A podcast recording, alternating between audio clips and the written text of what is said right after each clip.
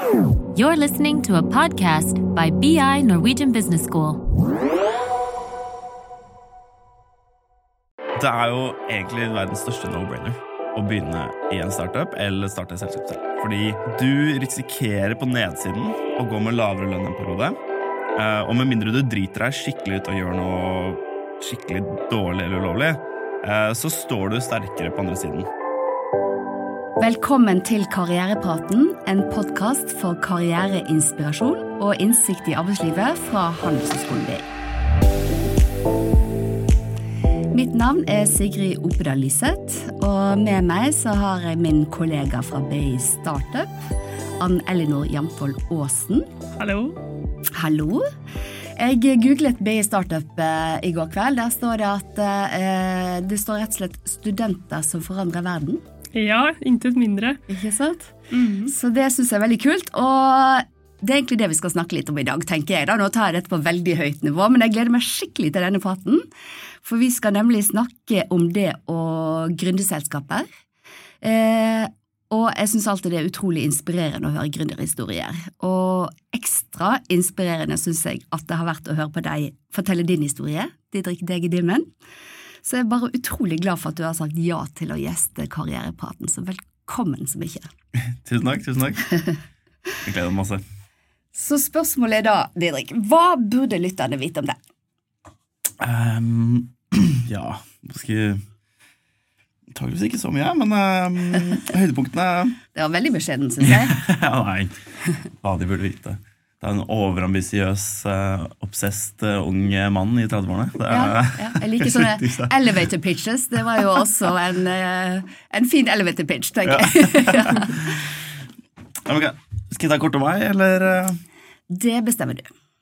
Ja, jeg kan ta høydepunktene, så, um, og også kanskje hva vi skal prøve å lære bort i dag. Så jeg er opprinnelig utdannet sivilingeniør.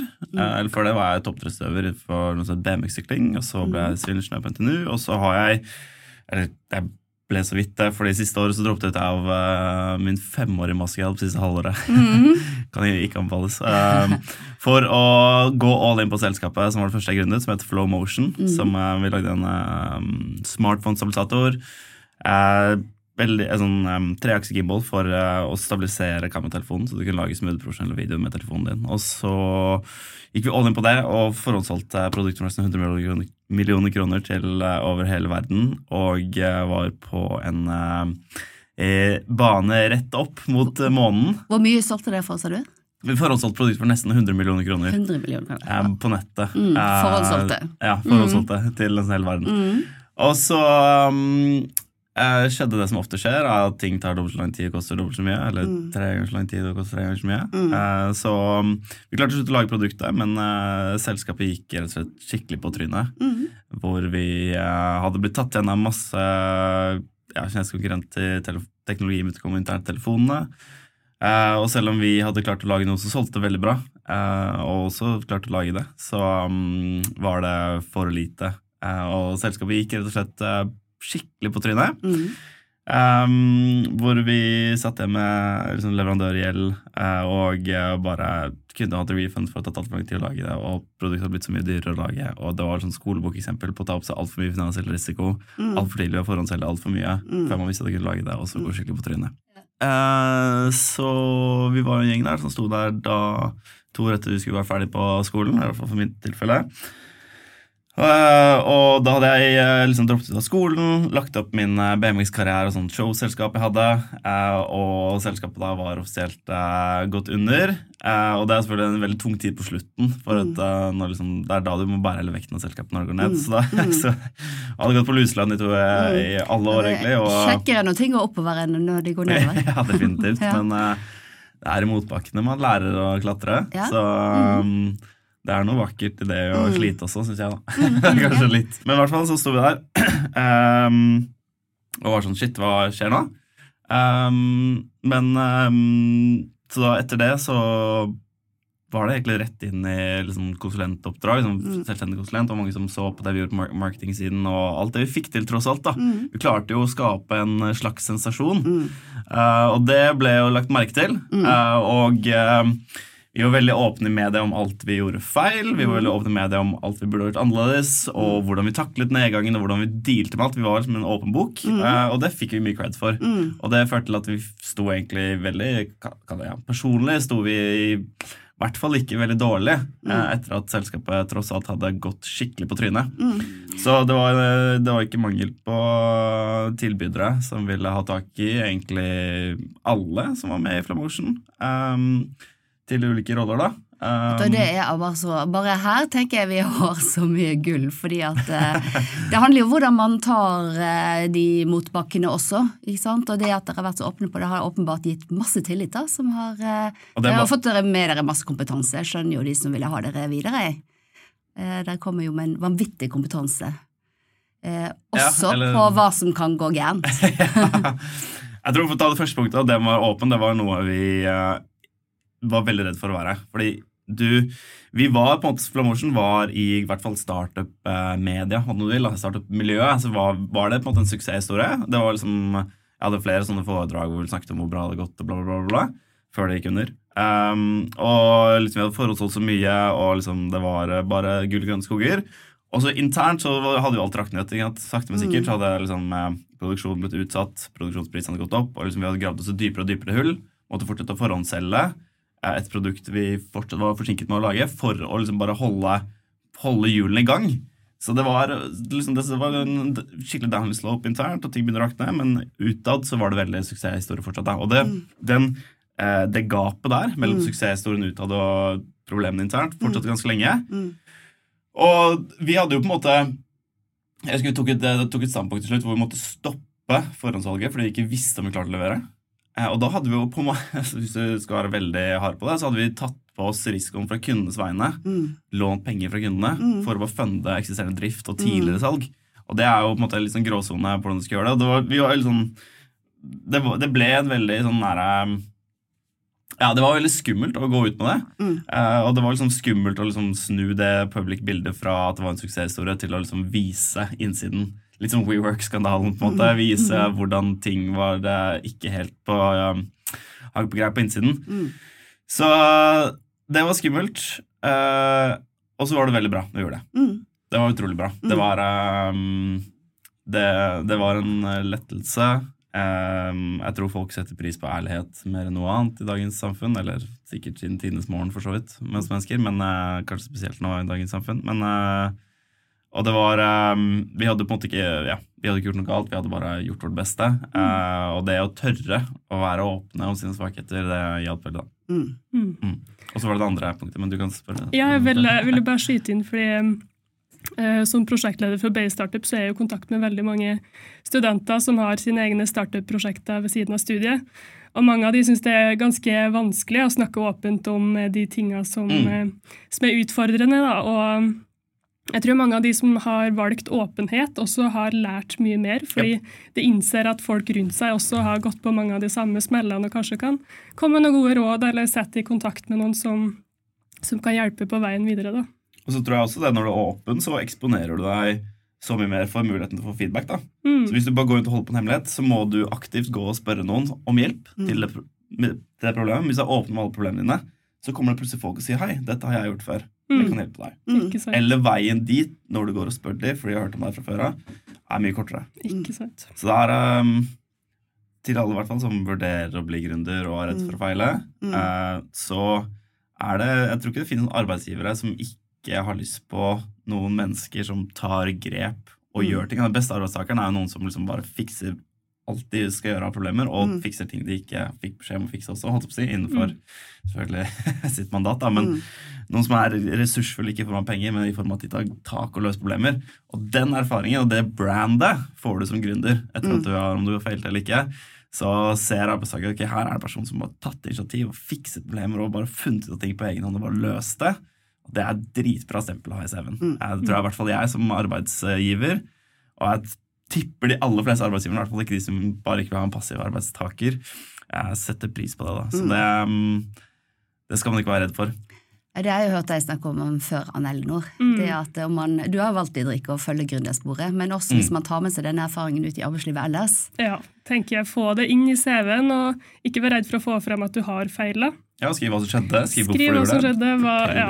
Og så kan du med rak rygg si at du er en person som tar eierskap til problemer, og som Ja. ikke skyver det på andre, men som tør å si stå i litt står jo- vanskelig Ja, ikke sant. Det er akkurat det. Så, Hva er det Altså, ikke si det. Show, don't tell. ja. Det var bare å vise det med Ikke sant? Det er viktig. Mm. Show, don't tell. Det er veldig Ja. viktig. Men eh, eh, Flow Motion, hva gjorde du da, Ja. etter det? Det var der vi uh, slapp. Så Flowmotion uh, sto der litt sånn på bar bakke. um, og bare sånn, ok, hva skal, jeg, hva skal jeg med livet mitt, egentlig? Fordi jeg var BMX-utøver, så ingeniør. Og så ble jeg gründer i løpet av ingeniørstudiet, og så bare ble det det. Og så begynte jeg med marketing av en eller annen rar grunn i det, litt fordi jeg hadde gjort det i det BMX-showselskapet og liksom brandet meg selv som utøver og sånne ting. Eh, så jeg var litt sånn, ok, hva, hvem er Didrik, liksom? Hva, Ja, for jeg har nemlig, når jeg googlet det, så kom det opp uh, til og med Flow Motion Didrik. Ja, ja. Og det var jo spesielt når Flowmotion gikk på trynet. Ja. Så var det i hvert fall, for jeg hadde hodet mitt så jævla kult der. Det var liksom, jeg, var Flamo- jeg husker sånn Jeg tror det var sånn ah, Hva var det, to uker før, jeg, før selskapet gikk, ble offisielt begjært konkurs. Så var jeg på en fest, og så sto en stor gruppe mennesker der. Masse, masse folk. Jeg kom inn der, og så var det liksom en jente som bare ah, er det Flamotion de drikker Eller en venninne, da. Det var da Hvordan går det med selskapet og sånn? Og jeg var sånn foran liksom ti andre. Jeg var sånn ja, det går bra. Liksom. Og så var det to uker etterpå. Det var innsiden. Så det sånn, det var en uh, interessant periode. Ja. måtte føle litt på egen selvtillit og egen, hvor stødig du sto i egen sko. da. Men jeg sto der uh, og skulle bare finne ut hva jeg skulle gjøre. Og det første som skjedde var at jeg fikk litt eh, oppdrag eh, Litt request for oppdrag for marketinghjelp for andre startups. Mm. Eh, det er typisk mange selskaper som sliter med det. Mm. Um, og så tok jeg meg en Etter mye moment tok jeg meg en jobb i Remarkable. Mhm. Skrivenettbrettet. Vi hadde jo vi hadde ganske lite forretningsmodell som Flomotion. Hadde startet ganske samtidig, fulgt ganske like spor, men de hadde gått bra, vi hadde gått dårlig, så jeg ville gjerne se. Og de hadde nok mye Jeg kom ut fra NTNU, hadde vært gründer og hadde ikke sett et profesjonelt selskap i hele mitt liv. da. På en måte, Jeg hadde bare vært i Flamotion og Mm. egne businesses. Så jeg ville liksom, Og det jeg syns de gründerne, Magnus der, som har eh, startet det, og de andre, er sjukt flinke folk. Mm. Eh, Så jeg vil gjerne liksom få litt innspo. eh, Se hva den verden handlet om. Mm. Og hvor, hvor lenge var det siden de startet å gründe Remarkable der? Jeg husker ikke helt når de startet, men de launchet samtidig som oss. Mm. Eh, sånn, og forhåndssalget launchet de samtidig som oss. Eh, og så hadde de nok startet et år, par år tidligere. Mm. Men det var ganske lik timeline på det. Mm. Um, så jeg kjente jo også um, veldig godt eh, mange som jobbet der fra NTNU. Så um, eh, da tok jeg meg en jobb der. Eh, fikk meg Tok opp boliglån. Jeg fikk kjøpt meg leilighet, for da fikk jeg jo lønn første gang i mitt liv. uh, og så Eller jeg hadde litt lønn i Flåmsjøen. Jeg tror jeg hadde 350 000 i året. Mm. Det var jo nok til å bo i et kollektiv, det, Mm. og få noe mat på bordet. Men uh, så gikk jeg inn i Rockball, fikk en, uh, en god jobb der. Um, tok opp boliglån, tok opp, eh, fullførte mastergraden min. Fikk um, shout-out til Linnea og Eva, som jeg fikk skrive masse av sammen. Mm. Og så um, etter Jeg tror det var bare etter et par måneder så var jeg sånn ok, jeg skal ikke ha en jobb. Dette er helt feil. og eh, jeg ville ikke være tannhjul i uh, et maskineri. Mitt, uh, jeg tror jeg fant ut av, men jeg visste egentlig allerede når jeg begynte på den entreprenørskolen, den siste mastergraden på NTNU, så fant jeg ut at jeg skulle en eller annen form for sånn bygge selskaper. Jeg tror jeg sa også det når jeg begynte i Remarkable, at liksom jeg kommer nok til å Jeg skal bygge selskaper, nå skal jeg gjøre dette i form av å være en del av Remarkable, og så skal jeg nok gjøre noe på egen hånd senere. Mm. At det skulle gå så fort, var de kanskje ikke klare på, men eh, jeg gikk i hvert fall um, etter, et, uh, etter ett år gikk jeg ut av Remarkable. Da hadde jeg blitt kjent med Auk og Marius, som er grunnlegger av Auk. Vært med der på siden som rådgiver og fått litt aksjer og sånn for å liksom, bidra der. Og så så jeg vi var, hvilket utrolig spennende grunnlag Marius og de andre hadde lagt i Auk. Mm. Eh, og så ble jeg invitert inn der som dagleder eh, og medgründer av det selskapet. Da tok jeg valget ja, etter et år på dagen. Så var det utover Markvold inn i Auk som dagleder, og så var det runde tre da, Mm. med å grunne selskap. Fordi at eh, det er jo en av de tingene jeg lurer på. Du, nå har du jo, du sier at du har prøvd å være ansatt og få lønn inn hver måned. Ja. Eh, Få lønn som gründer og sånn. Ja da, det er iallfall etter hvert, tenker jeg. Ja. Men jeg er jo veldig nysgjerrig på, du sier at du vil skape selskapet. Hvorfor, hvorfor vil du det? Hvorfor er du gründer, egentlig? Altså, jeg um, Det er mange fasetter i det spørsmålet, men det, det korte svaret er at vi Jeg tror at vi mennesker er laget for å bygge ting, for å skape ting. For å gjøre, altså for å, det er derfor vi har utviklet oss fra og Det er derfor vi lærer å gå og ikke bare krabbe rundt resten av livet. Vi er liksom en utviklende eh, art, og vi liker å bygge ting. Det er utrolig mye glede i det. Og noe det er sterk, denne skapergleden er sterkere hos andre. Eh, eller varierer selvfølgelig, men det er en ufattelig sånn grunn, eller sånn dyp eh, glede i det å skape ting. Og vi, når vi er små, så bygger vi hus i hage, altså lekehus, og vi gjør alt mulig rart. Eh, når vi er store, så kan vi skape ting på mange forskjellige måter. Man kan være kunstner, man kan eh, jobbe i byggebransjen, og man kan være snekker, eller man kan bygge selskaper. Jeg tror det å bygge selskaper er utrolig spennende, fordi én, jeg tror du kan flytte fjell. Du kan få med deg det å bygge selskaper, er egentlig bare å eller i bunn og grunn få med deg masse andre mennesker og jobbe seg mot et felles mål. Og det kan bli til noe enormt, som f.eks. verdens største selskaper. Eh, så den kunnskapen er utrolig givende. Det er på en måte uendelig oppside i hva du kan bygge. Selskaper kan Kan bli forandre verden. du kan forandre verden. Du, kan en, du kan bygge et lite lifestyle-business eh, som gjør noe greier, eller så kan du bygge et enormt stort selskap. Så det formatet et selskap en organisasjon har uendelig takhøyde. Ja. Og så har det mange eh, interessante aspekter ved seg. Det er både liksom, marketing, eh, produktutvikling, finans. Det har ekstremt mange ulike mm. industrier, og kunnskaper. Så det er veldig gøy. Det er uendelig mange ting du kan fordype deg i. Eller det, er sånn, det er ikke noe begrensning på hva du kan lære. Og så er det masse mennesker. Det handler stort om å få en gruppe mennesker til å jobbe sammen mot et felles mål. Så er hele psykologi i verden, eh, som jeg syns er utrolig spennende. Det er noe, vi mennesker er sosiale vesener også. Eh, vi liker ikke bare å bygge ting alene, selv om noen gjør det også, men vi er sosiale vesener. Vi liker å jobbe sammen med andre. Og det å bygge selskap, da kan du forme, skape din egen kultur, skape din egen organisme av andre mennesker, og få de til å trives, få de til å jobbe sammen, eh, og få de til å også utvikle seg. Og jeg tror det er utrolig spennende. Så sett alt dette her under ett. Eh, og så er det selvfølgelig stor finansiell oppside som gir igjen masse muligheter her i livet, eh, og masse frihet. Um, alle disse tingene her gjør jo entreprenørskap til kanskje noe av det kuleste formatet å skape ting innenfor, synes syns jeg. da. Og så er det noen nedsider, selvfølgelig, men eh, det er, eh, det er, det er, det er, ikke, det er, er vel derfor jeg er gründer, tror jeg. da. Mm. Det er, eh, men jeg er ikke sånn det- Jeg er gründer bare fordi det, det føles bra. da. Det er kult. Eh, jeg liker det. Mm. Og det, det tror jeg det på, fordi at eh, jeg tenker at du sikkert kan være gründer hele livet ditt. Ja, jeg tror det. Det er en eller annen form for fasong. Men eh, ja, du setter er liten nedside. Jeg har sett før at du har sagt at det er asymmetrisk risiko. Kan Ja. du si litt om det? For Det de er som, utrolig fascinerende. Jeg syns det, eh, det er så Det er jo egentlig verdens største no-brainer å begynne i en startup eller starte et selskap selv. Fordi eh, du risikerer på nedsiden å gå med lavere lønn en periode. Eh, og med mindre du driter deg skikkelig ut og gjør noe skikkelig dårlig eller ulovlig, eh, så står du sterkere på andre siden. Så la oss si den nedsiden. Du starter selskap, du jobber med det i tre år. Du går med lavere lønn, tjener kanskje 200 000-300 000 mindre enn du ville gjort i en, eh, i en vanlig jobb. Eh, og så har du gjort det i tre år, og så står du sterkere på andre siden. Mm. Så står du ganske sterkt på andre siden. Du er attraktiv for næringslivet, du er kanskje attraktiv for andre startups. Og du har lært helt sykt mye. Så det er nedsiden. Det er, det er, liksom, det er worst case det høres jo ikke så verst er ikke og så har du kanskje grindet litt ekstra hardt, da. Ja. Men uh, jeg er jo litt sånn Vi snakker om man snakker om work-life balance og sånne ting. Jeg, jeg har jo ikke noe work eller life. Jeg Mm. bare er. Ja. Jeg har ikke noe arbeid eller eh, jobb. Jeg, jeg bare er, jeg får energi av å være på jobb. Noen ganger er det kjipe ting, selvfølgelig kjipe task, Ja, ja. kjipe oppgaver. Ja. Men jeg bare er. Jeg, jeg har ikke en jobb. Jeg har aldri jobbet en dag med hele mitt liv.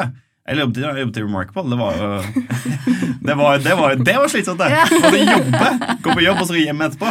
Bare, ja, så, så, så, så det er på en måte, ja, Du må grinde hardt eh, i de tre årene. Det er også en del av nedsiden. Ja. Men samtidig så vil det kanskje ikke føles alltid sånn. Eh, men du lærer og du utvikler utrolig mye. Så jeg, eh, det, men det er worst case scenario. Best case scenario er jo du lager nye Amazon. Eller Ja. sånn, Best case er uendelig. Det er sånn, Oppsiden er by definition uendelig. da. Ja. Eller ikke uendelig, men innenfor liksom, menneskehetens eh, bevissthet. Uendelig, i hvert fall. Um, Så det er jo, ok, det er jo verdens beste bet. da. Mm. Du, kan jo, du risikerer nesten ingenting, og du kan vinne alt. Ja. Eller, og det, hele området imellom, da, mellom worst case og best case her, er jo stort sett positivt. Mm, så den, og i hvert fall i Norge så er det sånn Altså, vi har ingen praktisk risiko. Vi har et sikkerhetsnett. Ja, du kan, I verste fall så går du på Nav. Ja. Eh, men det som skal sies, er at eh, et selskap kan oppsluke deg og oppta deg såpass mye at du blir utbrent. Ja. Det har jeg sett noen venner av meg bekjente bli. Mm. Det er et kjipt scenario. Mm. Eh, så man må ha en liten caveat til uh, asymmetrisk Mm. risikoprofilen min her, er at man ikke eh, brenner ut, da. Mm. Og det tror jeg man kan styre ved å passe litt på. Mm. Eh, og dette med åpenhet osv. Uh, men, eh, men med den caveaten så er jo dette Altså, hvorfor gjøre noe annet? Det er helt uforståelig for meg. Og Anne Eline, du er jo gründer selv, så du uh... Ja, jeg kan jo kjenne meg igjen i mye av det du sier der.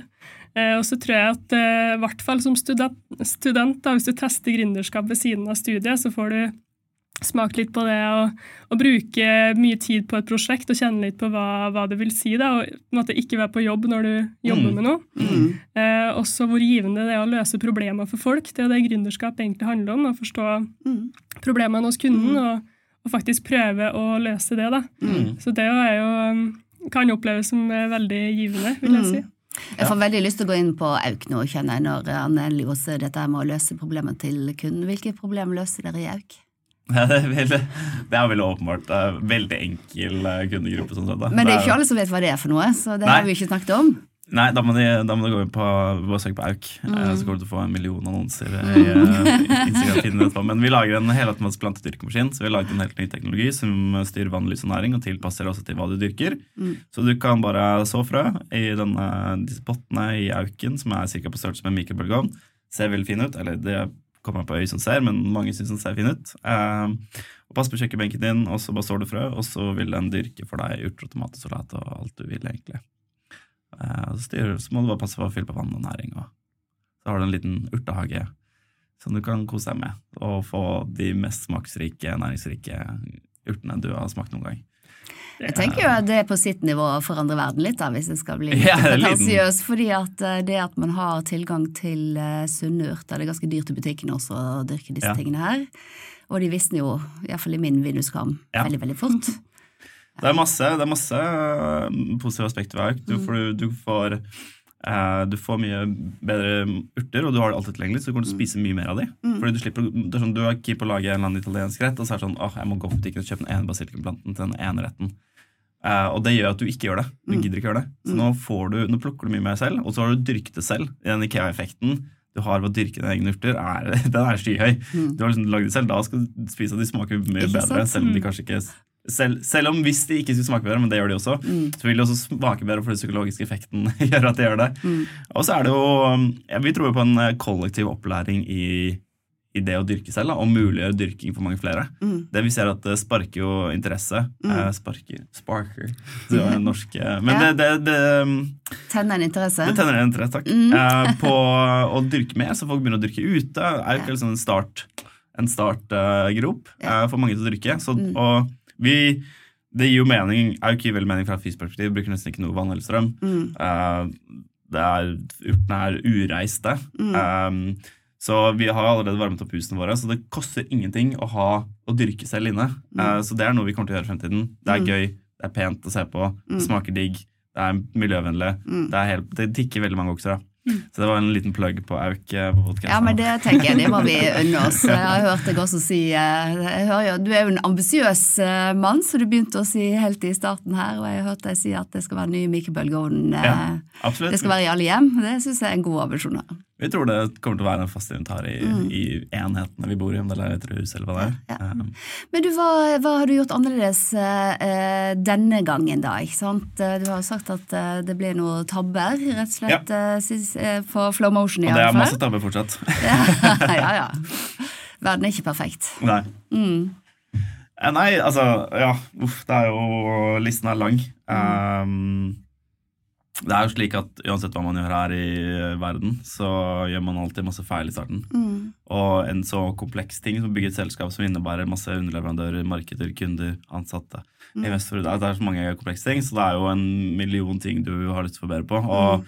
neste, eller neste år så er det sikkert mange ting jeg har lyst til å forbedre på fra ting jeg gjorde i år, og Så, videre. så vi har jo en evig, en evig lærende maskin. Um, så det er jo eh, Altså det vi du, Vi skal ta de største linjene. Altså det, vi, det vi egentlig dreit oss mest ut på i Flamotion, var at vi tok på oss altfor mye finansiell risiko. Så vi solgte altfor mange forhåndsprodukt, forhåndssolgte alt for mange produkter før vi hadde laget det. Mm. Og så visste vi ikke at det kom til å ta dobbelt så lang tid, eller vi skjønte ikke konsekvensen av at det kom til å ta dobbelt så lang tid og koste dobbelt så mye å få ferdig produktet som vi hadde budsjettert for. da. Mm. Så det Vi gjorde ikke god nok eh, arbeid på liksom, produktutviklingen og å forstå den risikoen vi tok på oss. da. Hvordan kunne dere ha forstått det, da? Vi kunne snakket med en andre. Som hadde, vi kunne jo, altså, Det er lett å si i ettertid at du kunne bare tenkt deg litt om. Mm. Uh, men uh, vi kunne nok bremset og tenkt oss litt mer om. Men klart, vårt verdenssyn da, vår forståelse av eh, hvordan samfunnet, og verden funker, Mm, eh, som f.eks. at ting alltid tar dobbelt så lang tid og koster dobbelt så mye, Mm. det var ikke noe vi var klar over nok. Vi bare, Hodet vårt hadde ikke vært eksponert for den delen av verden, så vi skjønte ikke hvordan det funket. Vi hadde aldri produsert noe som helst Mm. noen gang. Så når vår produksjonspartner sa til oss at det kan ta seks måneder, og vi skal gjøre det sånn her og sånn her, så tok vi det for god fisk. Mm. Tenkte sånn, ja, kanskje det tar ni måneder, da. Mm. Kanskje det tar litt lengre tid. Men det er sånn, når du begynner å altså, Vi skjønte jo ikke at de én bare solgte seg inn til oss, og to ikke hadde egentlig kanskje peiling selv. Mm.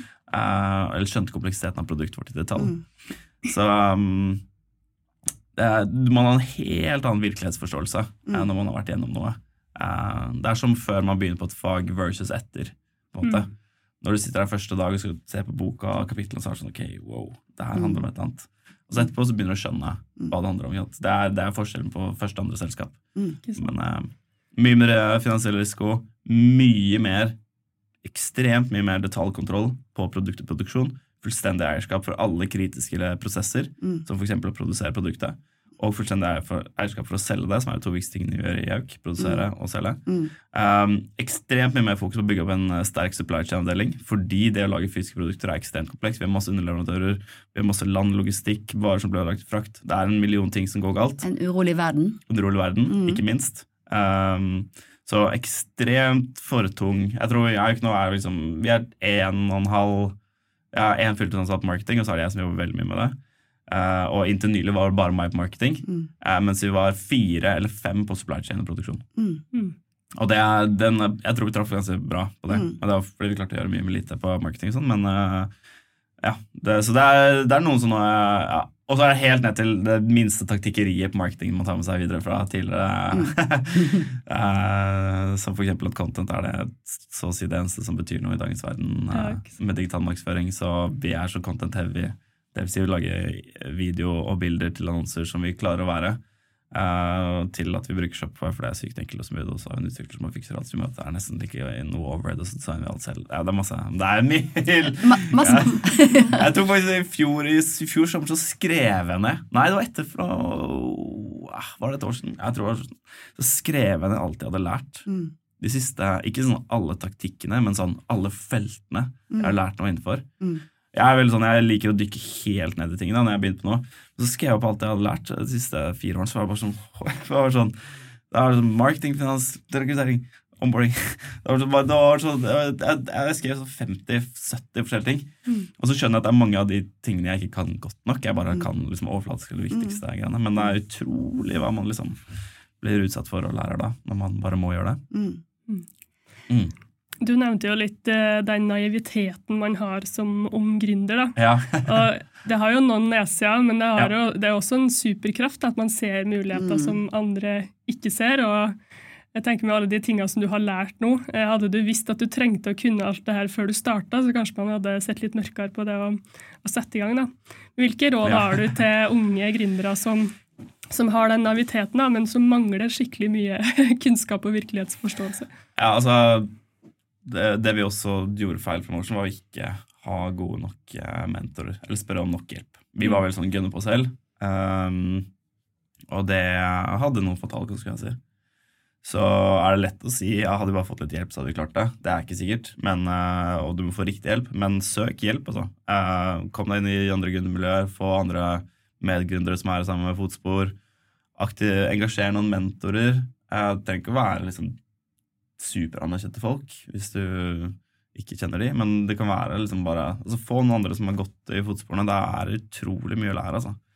Utrolig, I hvert fall de viktigste fallgruvene. Um, og de, det er det problemet sant, som vi gjør i Flowmotion. Vi hadde, vi hadde bare ikke vært eksponert for alle problemene eller risikoen. Vi visste ikke om at det var et problem. Mm. Uh, hadde jo, når du ikke helt engang vet at det er et problem En ting er at du ikke vet hvordan du skal løse problemet, men du vet ikke at problemet kommer en gang. Da er du Det er risikosport, altså. Da er å, å startup handler om å minimere risikoen, eller minimere, øke sannsynligheten for å lykkes. Mm. Og den øker du dramatisk ved å knytte tett til deg to-tre stykker, kanskje. Det holder, som har vært gjennom mye av det samme. Mm. Mm. Apropos det å spørre om hjelp, da, så kan ja. jeg jo nevne at uh, eh, BI Startup tilbyr jo mentorer for studenter med En liten plugg for Ja, absolutt. Jeg må jo nevne det når vi sitter og snakker om det. Klart det. Uh, og som eneste uh, utdannings, høyere utdanningsinstitusjon i Norge som har ansatt entrepreneurs in residence. Da, så jeg har lyst til å nevne det at Vi har to seriegründere ansatt hos oss som, eh, som gir veiledning og mentor, eh, som mentorerer unge gründere på BI. Mm. Så hvis man er interessert i å få veiledning, så kan man gå på bi.no slash startup og, og, søke seg inn som medlem i BI Startup. Mm.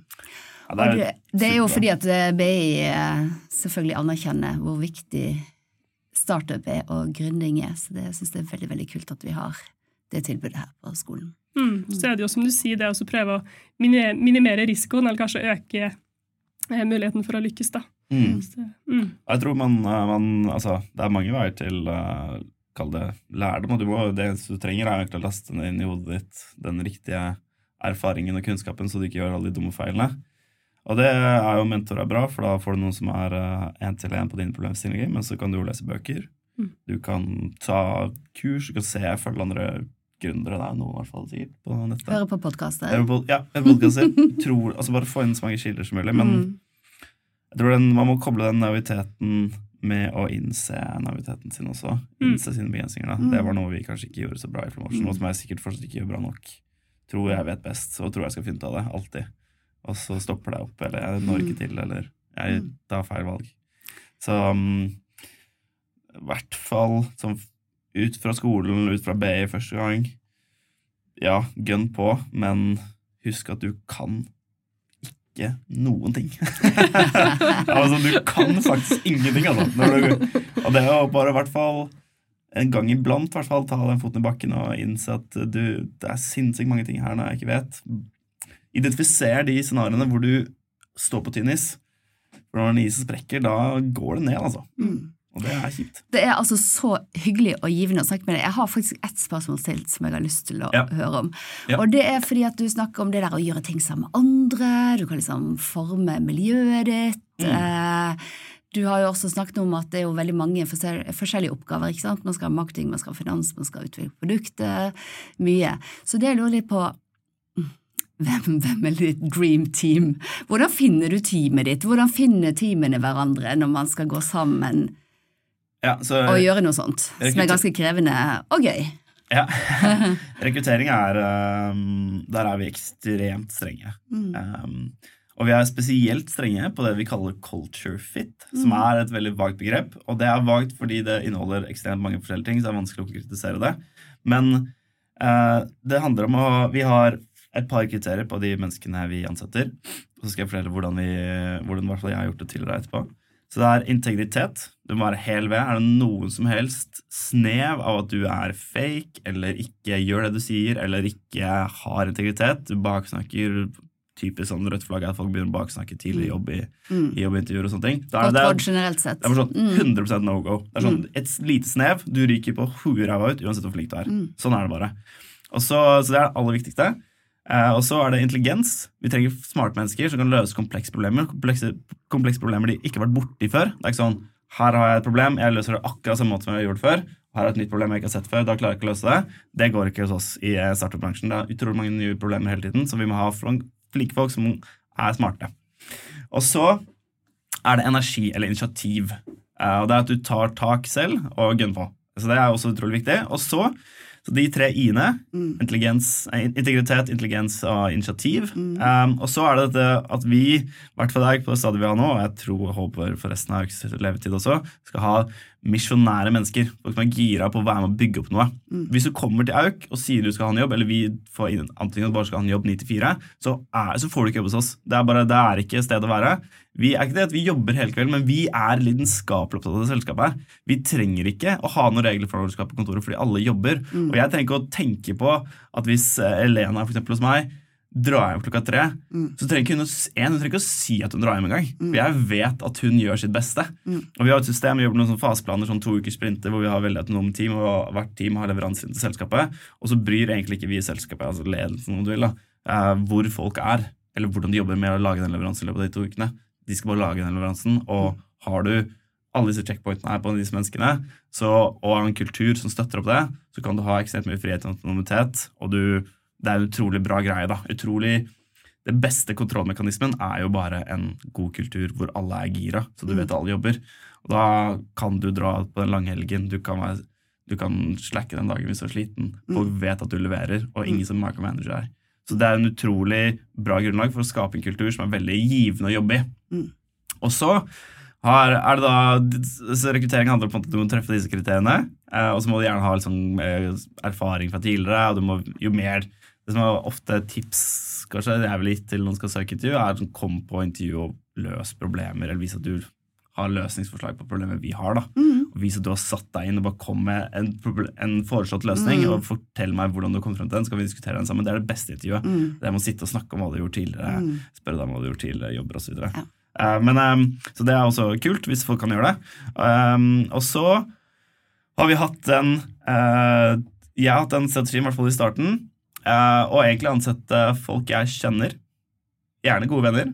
Uh, min COO, eller driftssjef, om du vil, heter Jostein. Han gikk jeg på intervju med, bodde med i kollektivet Trondheim. Har sett opp til på mange måter. Utrolig smart, flink fyr.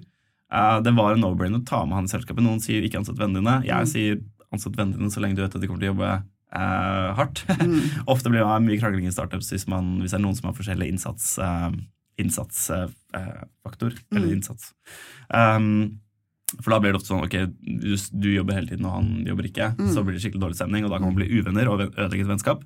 Men utenom det, så ansett folk du kjenner, som du liker og som du vet du trives med. Um, og folk som også er fleksible og kan ta i nye roller. Jeg tror vi har en sånn siste kall faktor i, um, i uh, rekrutteringen, som er uh, en sånn checkpoint. Kunne du, ønske, kunne du gledet deg til å komme på jobb for å møte den personen her i morgen? Og hvis svaret er nei, så er det også ut av rekrutteringsprosessen selv om du treffer alle de andre punktene. Mm. Fordi du jobber mye, og i hvert fall meg og de som er i Hauk, vi legger mye av sjelen vår i selskapet. Altså. Og da vil du ha mennesker rundt deg som du er, liker å være med. Uh, og det er utrolig viktig. Ehm, så så det, det vet du også veldig godt med venner. da, ikke sant? Du vet om du liker å være med det eller ikke. Og er det noen du digger å henge med, jobbe med, så få de med i selskapet, og ta altså det som del av rekrutteringsprosessen. Um, så, og, og da, er nettverk er også ekstremt viktig i rekrutteringa. Da. Det, er disse, det er helt sinnssykt at man har sånn to-tre Eller vi har ganske lang, vi har en ti stegs lang rekrutteringsprosess. da. Rekruttering er noe vi kan snakke evigheter om, men så vi har en ekstremt omfattende rekrutteringsprosess fordi det er jo helt sinnssykt at man bare har samtaler på én time her, og så en ny time på andre gangs intervju, Og så kanskje en halvtime til, og så skal man jobbe sammen, være sammen hver dag. mange år. Det er helt sinnssykt! Det er som å gifte, etter, gifte seg med noen etter å ha møtt etter tre dates. da. Det går jo ikke. Det er jo helt hodeløst.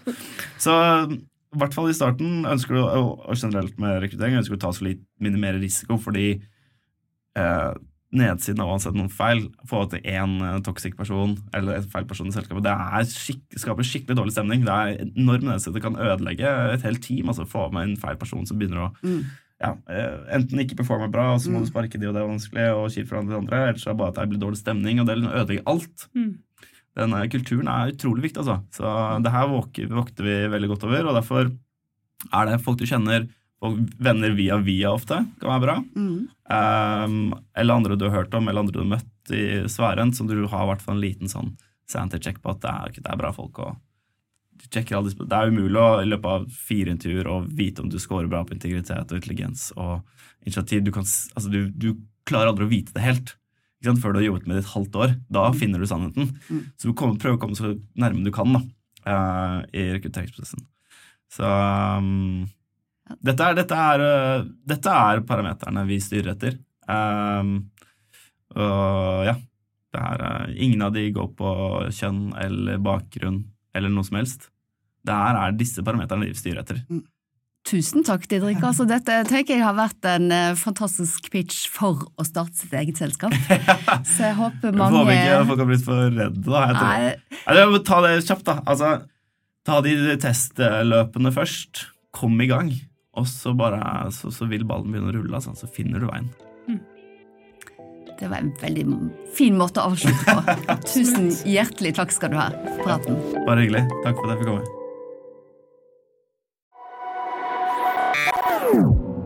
This is a BI production. Listen to more podcasts.